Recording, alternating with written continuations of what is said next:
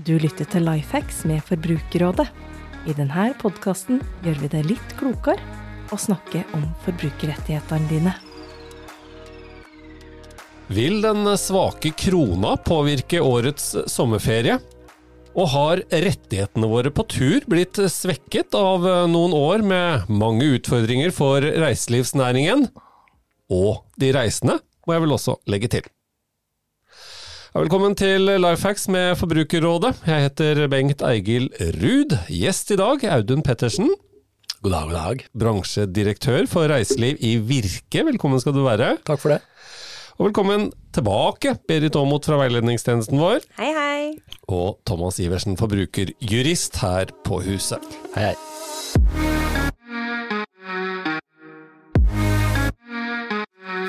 Ja, Audun, hvordan er det å jobbe med reiseliv i Virke da?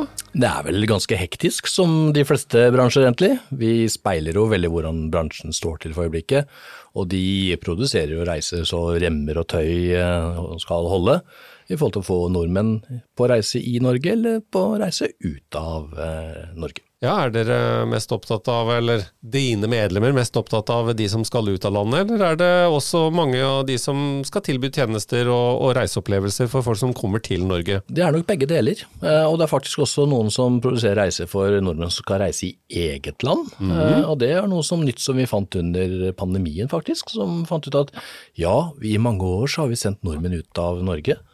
Eh, Nå kan vi ikke sende nordmenn ut av Norge. Eh, Kanskje vi skal produsere reiser i Norge, da. Og det er flere som faktisk fortsatt gjør en dag i dag, av de litt større operatørene. Mm.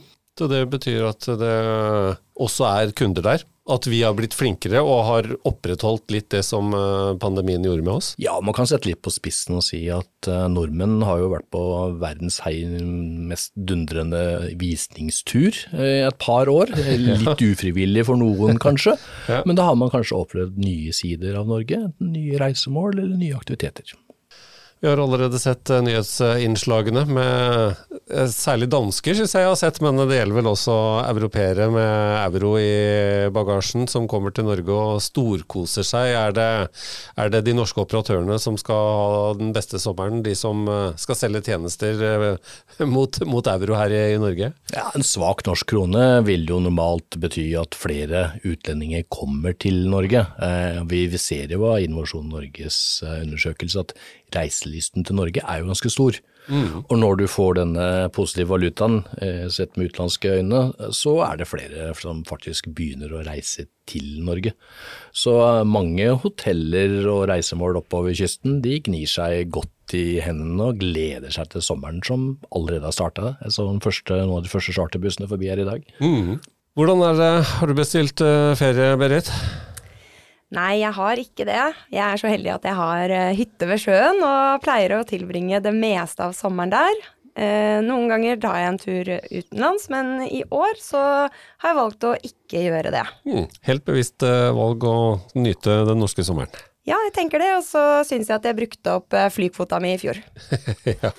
Thomas, da? Har du litt flykvote til i år også? Ja, jeg har vel litt flykvote igjen antagelig, så det blir vel både en tur eh, godt utafor Europa i, i sommer, men også en, eh, en liten tur til eh, våre danske naboer. Og så har vi hørt litt i det siste om avbestillinger av pakkereiser. Er det noe vi får henvendelser om på veiledningstjenesten? Ja, vi har fått en del henvendelser fra forbrukere som eh, nå ønsker å avbestille, og både lurer litt på ja, retten til å avbestille, og, og hva som eventuelt er konsekvensen av det. Og eh, inntrykket er vel at det i stor grad handler om eh, økte priser, eh, og at man kanskje ser at man også ja, får et litt trangere feriebudsjett i år da, enn det man har hatt tidligere, eh, og at reisen fort blir en del dyrere enn man kanskje opprinnelig hadde tenkt. Mm. Hva slags rettigheter har vi når eh, prisen øker, eh, Thomas? Det er jo egentlig to ting eh, som folk kan tenke litt på. En del pakkereiser kan jo avbestilles eh, mot et eh, gebyr eh, hvis eh, du har behov for å avbestille. Og det kan jo knytte seg til flere ting. Også at eh, reisen koster jo mer enn bare, bare pakketuren eller flybillettene og hotellet. Du skal jo leve og spise i utlandet også, og det kan jo være en ferie på både én og to uker. Men når det gjelder prisøkninger, så snakker vi om økninger som, som kommer fra reiselivsaktøren, der man rett og slett har rett med både loven og avtalen i hånd, under gitte forutsetninger, å be om litt mer penger. Mm. Hvis den prisøkningen er, over, er mer enn 8% av reisekostnaden, så har du faktisk rett til å gå fra avtalen uten å betale noe gebyr. Men da er det viktig å huske på at da blir det jo ikke noe ferie med den operatøren, så da må du finne på noe annet. Mhm. Ja. Er- det mange aktører som selger eh, reiser til norske som nå er i sjiktet, helt opp mot eh, 8-10 prisøkning? Hvis jeg ser i forhold til henvendelser vi får, så, så får vi ikke så mye henvendelser på det. Eh, og det vil eh, forhåpentligvis bety at de forholder seg da faktisk til pakkereiseloven, eh, og ikke prøver å ta økte priser utover de 8 prosentene. Eh, men det er lite henvendelser vi får på akkurat den biten. Jeg har fått noe fra forbruker, akkurat som, eh, som dere, men mitt inntrykk er at folk holder seg stort sett innenfor det de, de skal i forhold til pakkereiseloven. Mm. Og så kommer det litt an på avtalen, men de fleste har kanskje solide avtaler eh, som gjør at valutaen er litt bundet på, på bestillingstidspunktet, og ikke plutselig kommer overraskelser nå på starten av sommeren. Ja, mange har jo gjort forhandlinger for lang, lang, lang tid tilbake, halvannet, ett år i forveien. Og der har de selvfølgelig bundet seg i forhold til valuta, slik at det ikke skal gå utover forbrukeren. Men selvfølgelig, det avhenger jo veldig mye av operatøren. At du, igjen, at du faktisk har en avtale med en seriøs operatør. Så det vil si at det det er litt sånn unntakstilstand når vi nå opplever at folk må regne på det og, og se på muligheten for kanskje å ta inn hvis det er noen som da går på en smell og leverer en tur som er mye dyrere for, eh, for seg operatøren da, enn en han planlagt. Ja, hvis vi ser fra operatørens, perspektiv, så, så må man huske at, på at de har vært gjennom to år med relativt eh, heftig eh, pandemi. Så de har liksom ikke veldig mye kroner på, på kistebunnen. Eh, men jeg tror nok at de fleste får holde seg innenfor de reglene som faktisk eh, finnes. Iallfall mitt inntrykk. Mm. Er det vårt inntrykk også sånn som det er nå, etter hvert som verden går litt eh, tilbake i vater etter unntaksårene? Ja, det er jo i utgangspunktet det. Det er jo flere ting som kan føre til prisendringer, men det mest akutte nå er vel egentlig valutaen, altså den norske krona opp mot bl.a. euroen. Men i tillegg så er det jo sånn som drivstoffutgifter og, og andre forbruksutgifter som, som strøm, som også er eh, dessverre ressurser og som har, eh, der kostnadene har økt eh, den siste tida. Så det er litt sånn perfekt storm i noen tilfeller. Særlig hvis man, som Audun sier, ikke har vært har sikra seg godt nok når man inngikk avtale for lenge siden, så kan det jo komme en, en bølge av justeringer som kommer fra leverandøren til, til operatøren, da, som etter hvert da flytter seg som en flodbølge mot kunden. da. Så må vi også huske på at eh, disponibel inntekt til de fleste i Norge har jo gått ned. Eh, og vi ser det jo direkte på, eh, på eh, hva man planlegger å bruke penger på i forhold til reise. Eh, I fjor, eller, ja, i fjor så lå den på 42 000 kroner per familie som man skulle planla å bruke på, på reiser. Nå i år så ligger den på 36 000. Så det er jo ganske god nedgang. Ja. Eh, Selv om de fleste operatørene sier at eh, de, de er på full kapasitet, så er det flere som sier at folk eh, kanskje bruker noe mindre penger på type overnatting, litt lavere kvalitet, blir litt kortere på reisemålet og bruker mer av tida i Norge. Og så er det flere også som sier, på, spesielt på chartersiden, at eh, det er flere som velger all inclusive. Eh, Rett og slett for da vet de hvilken budsjett de har å forholde seg til, hva penger de skal bruke. Da kan de justere lommepengebruken på en annen måte. Ja, absolutt. Når vi først nå da kommer oss av gårde på tur, så er det mange som opplever at det kan bli litt, eh, litt sånn trøbbel underveis. Vi har jo sett en del bagasjeproblemer de siste somrene, særlig i fjor.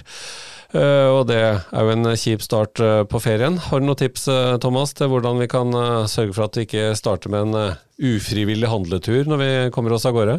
Ja, nei det er jo litt med fjoråret i minnet at noen husker jo tilbake til at bagasje forsvant og bagasje kom for seint frem, og det er jo også meldt litt om noe trøbbel på de store flyplassene, særlig i Europa, også i, i år. Og det er jo lite du kan gjøre for å gardere deg mot at kofferten din, akkurat din koffert blir borte eller blir forsinka, det går ikke an å gjøre så mye med, men det du kan gjøre noe med er konsekvensen av det, ved å pakke med deg noen av de mest essensielle tinga, og et eh, lite skift og et badetøy og litt sånn i håndbagasjen, så du har det med, sånn at du har noe å ha på deg og noe å bruke når du først kommer fram. Fordi vanligvis dukker den bagasjen opp etter ganske kort tid, og det å ha en badebukse og litt undertøy og et par T-skjorter, det, det, kommer du langt med hvis du reiser til eh, en sørlig destinasjon eh, om sommeren. Så det er noe jeg gjør hver gang jeg reiser på tur, uansett egentlig hvor jeg skal hen. Og det har jeg hatt nytte av i hvert fall én gang veldig, og det var verdt det. Audun, er du så fornuftig? Ja, jeg har et lite, lite tips av det, men jeg tror ikke flyskapene vil like meg så veldig godt. Men uh, sporingstagger airtags eller andre, putte det i kofferten, mm. det er en sikker vinner. Mm. Når du sitter på et eller annet sørlig sted og ser Oi, hvorfor er kofferten min igjen på Gardermoen? Da vet du hvor den er, og antagelig når den kommer til deg. Ja, Særlig pakkereiser Thomas, er jo noe vi regner som et uh, tryggere valg enn andre typer reiser, siden da er det et selskap som uh, sørger for og tar ansvar for både transport og innkvartering, og har litt ansvar for deg under hele, hele turen. Hvilke rettigheter har du hvis uh, ikke pakkereisen går som den skal da? Ja, det er jo helt riktig at når du har kjøpt en pakkereise, så er det jo den aktøren du kjøper som er, har ansvar for at de tjenestene som inngår i pakkereisen blir gjennomført, og det inkluderer jo ofte fly, flyreisen til og fra, og hotell, og ofte flyplasstransport, i hvert fall på destinasjonen. Hvis av, noe avviker, så har du liksom rett til å få det fiksa opp i, og da er det jo veldig viktig å ta tak i det litt kjapt, og ikke å sitte og irritere deg over det hele ferien. Ta kontakt og, påpek hva som ikke funker som det skal, og så er i min opplevelse at veldig ofte så kan det løse seg ganske fort der og da, men litt mer alvorlige ting, som at ikke du kommer deg av gårde, eller at uh, det skjer noen At ting blir avlyst, vil jo fort uh, gi deg krav på enten et uh, prisavslag eller større deler av, av reisens verdi tilbake, hvis, hvis, det er helt kritiske avvik, ikke sant, eller at reisen ikke blir noe av i det, i det hele tatt. Men det tilhører heldigvis absolutt unntakene bli en bedre klager. Eh, skal vi si fra uansett hva det er, eller eh, bør det være litt størrelse på det? Jeg tenker jo at man bør eh, ha en viss størrelse før du tar kontakt. Altså Det må over en bagatellgrense her før du bruker tid på å klage på det. Og du må huske at det er alltid litt variasjon fra land til land, med tanke på alt fra standard og, og alt fra forventninger til renhold og forventninger til til alt mulig, og at det også kan være noe avvik mellom det du ser på bildene og det som faktisk eh, er virkeligheten. Mm. Men jeg tenker at det som alltid er lurt, er at man i hvert fall ikke bare blir sittende og se på at noe er galt og så på en måte egentlig lar hele ferien gå tapt eller være dårlig, og så ta kontakt i etterkant. Det er veldig mye bedre å kunne få de tingene som eventuelt skulle være avvik, da, enten rettet der, der, og da, eller beskjed om at det er dessverre ikke noen ting å gjøre med, og at man eventuelt kan få deler av pengene tilbake i etterkant. Og de fleste på, i på chartersida de har jo lokalrepresentanter som man bør ta tak i hvis man er misfornøyd. Viktig at man gjør det på stedet, og ikke når man kommer hjem. For da ene må ødelegge ferien, og det, det skal man ikke gjøre. Nei. Og så vil det alltid være sånn at uh, om ikke kunden alltid har rett, så vil det jo alltid være imøtekommende folk når man uh, er i nærheten av servicenæring sånn på den måten? Ja, iallfall blant seriøse aktører så, så, vil jo de gjøre sitt ytterste for at du skal ha en god og, og, trygg ferie. Er det en opplevelse vi har at folk som er flinke til å ta det opp, eh, får løst tinga sine der og da, eller eh, er det da de sakene vi ikke hører om, for da slipper de å forholde seg til oss? Tro, trolig så er det jo mange av de sakene som mange løses der og da, som vi ikke hører om, men igjen så er det jo mange også da som kontakter oss som f.eks. har forsøkte å få det løst på stedet, da, og kanskje det var flere problemer, og det som kunne rettes, det ble rettet opp der og da, eh, men så ser man at man kanskje tenker at verdien på pakkereisen kanskje falt litt, eller eh, lignende, og likevel da ønsker å kreve noe i etterkant. Og de tar jo eventuelt kontakt med oss. Men jeg tenker at eh, de får i hvert fall ikke rettet opp i noe hvis du ikke tar kontakt mens du er på reisen. Eh, for når reisen er over, så er reisen over. Hetebølge er et uh, tema som uh, noen allerede har begynt å snakke om for sommeren. Uh, kan det gjøre noe med rettighetene våre når vi drar til et sted hvor vi egentlig bør regne med at det skal være ganske varmt? Ja, den tror jeg er ganske langt ute på landet, for å si det pent og forsiktig. Ja, man må jo beregne at det er varmt, hvis selvfølgelig ikke myndighetene griper inn i landet. Hetebølge og brannfare og nesten for varmt å være ute, det, det, det, er ikke nok. Nei, det er ikke nok, men du skal alltid høre på myndighetene i det landet du er, og rette deg etter deres retningslinjer. Hvis de mener at det er utrygt, så må man selvfølgelig eh, gjøre noe med det og ta holdninger eller ta handlinger deretter. Mm. Så det kan være aktiviteter man ikke får gjort, kanskje? For eksempel. Som vil være en del av en pakke eller noe sånt som kan være en sak, men ikke, ikke reisen i seg selv. Nei, det som jeg anbefaler alle når de skal ut og reise, iallfall ut av landet, er jo appen til Utenriksdepartementet, Reiseklar. Eh, Å få lasta ned den, ha den på mobilen, registrere at du er i det landet i den perioden. For da får du informasjon fortløpende fra norske myndigheter, og norske myndigheter vet eh, hvor du er og kan få tak i deg, rett og slett. Har han skjønt eh, loven riktig, eller eh, er Forbrukerrådet Skal vi være litt tøffere i klypa? Si at uh, blir det for varmt, så må du få pengene tilbake? Nei, Jeg tror ikke vi helt går, eh, går inn på den, men jeg kan jo være enig med Audun i at hvis eh, landet virkelig stenger ned pga. ekstremvær, så må det gjøres et eller annet. Eh, Da vil jo forutsetningen for ferien briste ettertrykkelig. Men eh, store variasjoner i vær, inkludert eh, både godt og dårlig vær, det kan jo også bli ikke ferievær på feriedestinasjonen din som ikke handler om ekstremvær. Det kan være regn, for eksempel. Gud forby. Men det kan bli regn. Eh, og det er òg noe du ikke kan klage på, med mindre selvfølgelig man har gitt en helt ekte solgaranti, noe som eh, jeg tror det er få som gir. ja. Men uh, vi må tåle at det blir ekstra varmt og at det regner. Men uh, hvis det blir noe flom eller så tørt at det går utover tilbudet vårt, så, så kan det hende at det har noe å si. Hvis du er inne på ekstremvær, ekte ekstremvær, som, eh, som, gjør, at, særlig, som gjør at myndighetene griper inn, eller at, ikke du, eller at Utenriksdepartementet fraråder innreise, så, så vil det jo skje noe med reisen. Da vil du enten ikke kunne reise i det hele tatt, eller så vil du etter hvert kunne bli evakuert hjem, da. Men da skal det være ganske ekstreme forhold. Da snakker vi om ekstremt. Men så er det også viktig hvis uhellet faktisk eh, skjer, da, for det skjer jo uhell på, på reise også. Og det er jo folketrygdkortet, at du faktisk har bestilt det europeiske folketrygdkortet og har det med deg. Og aldri, jeg understreker aldri, aldri glemme reiseforsikring. Vi ser gang på gang tårevåtne eh, stories i, eh, i media, folk som har reist uten å ha reiseforsikring og får en heidundrende kostnad i etterkant. Ja, for det blir dyrt. Uansett. Det blir dyrt uansett. Men, men helsekortet vet jeg mange liksom tenker at eh, er det så nøye da? Får man ikke den hjelpa når man er eh, norsk eh, statsborger på tur? Eh, Nei, du skal faktisk ha det med deg vise det fram for, for myndighetene eller for sykehuset du eventuelt havner på. Nå har du mange gode råd her, Audun. Er det noen flere vi skal ta med oss når vi går inn for eh, landing på å se på sommerens eh, planer for eh, feriehungrige nordmenn? Noen gode tips? Kan jo følge opp det med reiseforsikring. Det er jo viktig av flere grunner, selvfølgelig. Det handler jo både om litt materielt. Ting, hvis bagasjen forsvinner, så kan jo det gi deg noe penger til å kjøpe inn ting med. I tillegg så handler det om å bli syk, skadd på ferie. Det kan jo skje hvis du er uheldig. Men det kan jo også dekke litt mer sånne praktiske ting, f.eks. at det dekker egenandel hvis du leiebilen din skulle få, få skade. Det er jo en ting man ikke tenker på, men eh, da kan man typisk tenke, takke nei til sånne ekstra egenandelspremiumer uh, uh, som en del leiebilselskap har lyst til å selge deg, for den har du allerede kanskje betalt for via reiseforsikringen din. Så det er også en, en liten ekstra bonus man kan sjekke før man reiser, og mange av de største reiseforsikringene har nettopp det. Mm, Og hvis du skulle være så uheldig å bli frastjålet noe. ikke minst. Ikke Det kan jo fort skje. Det kan skje, men det er en ting som er kanskje ikke enda viktigere, men som er veldig viktig akkurat nå. Og det er å sjekke passet. Er passet ditt faktisk gyldig? Det er ganske mange som måtte avlyse ferien sin ut av landet i fjor, fordi de fant ut oi, etter pandemien så har jeg ikke noe gyldig pass, og så havna det i en lang, lang, lang, lang, lang kø.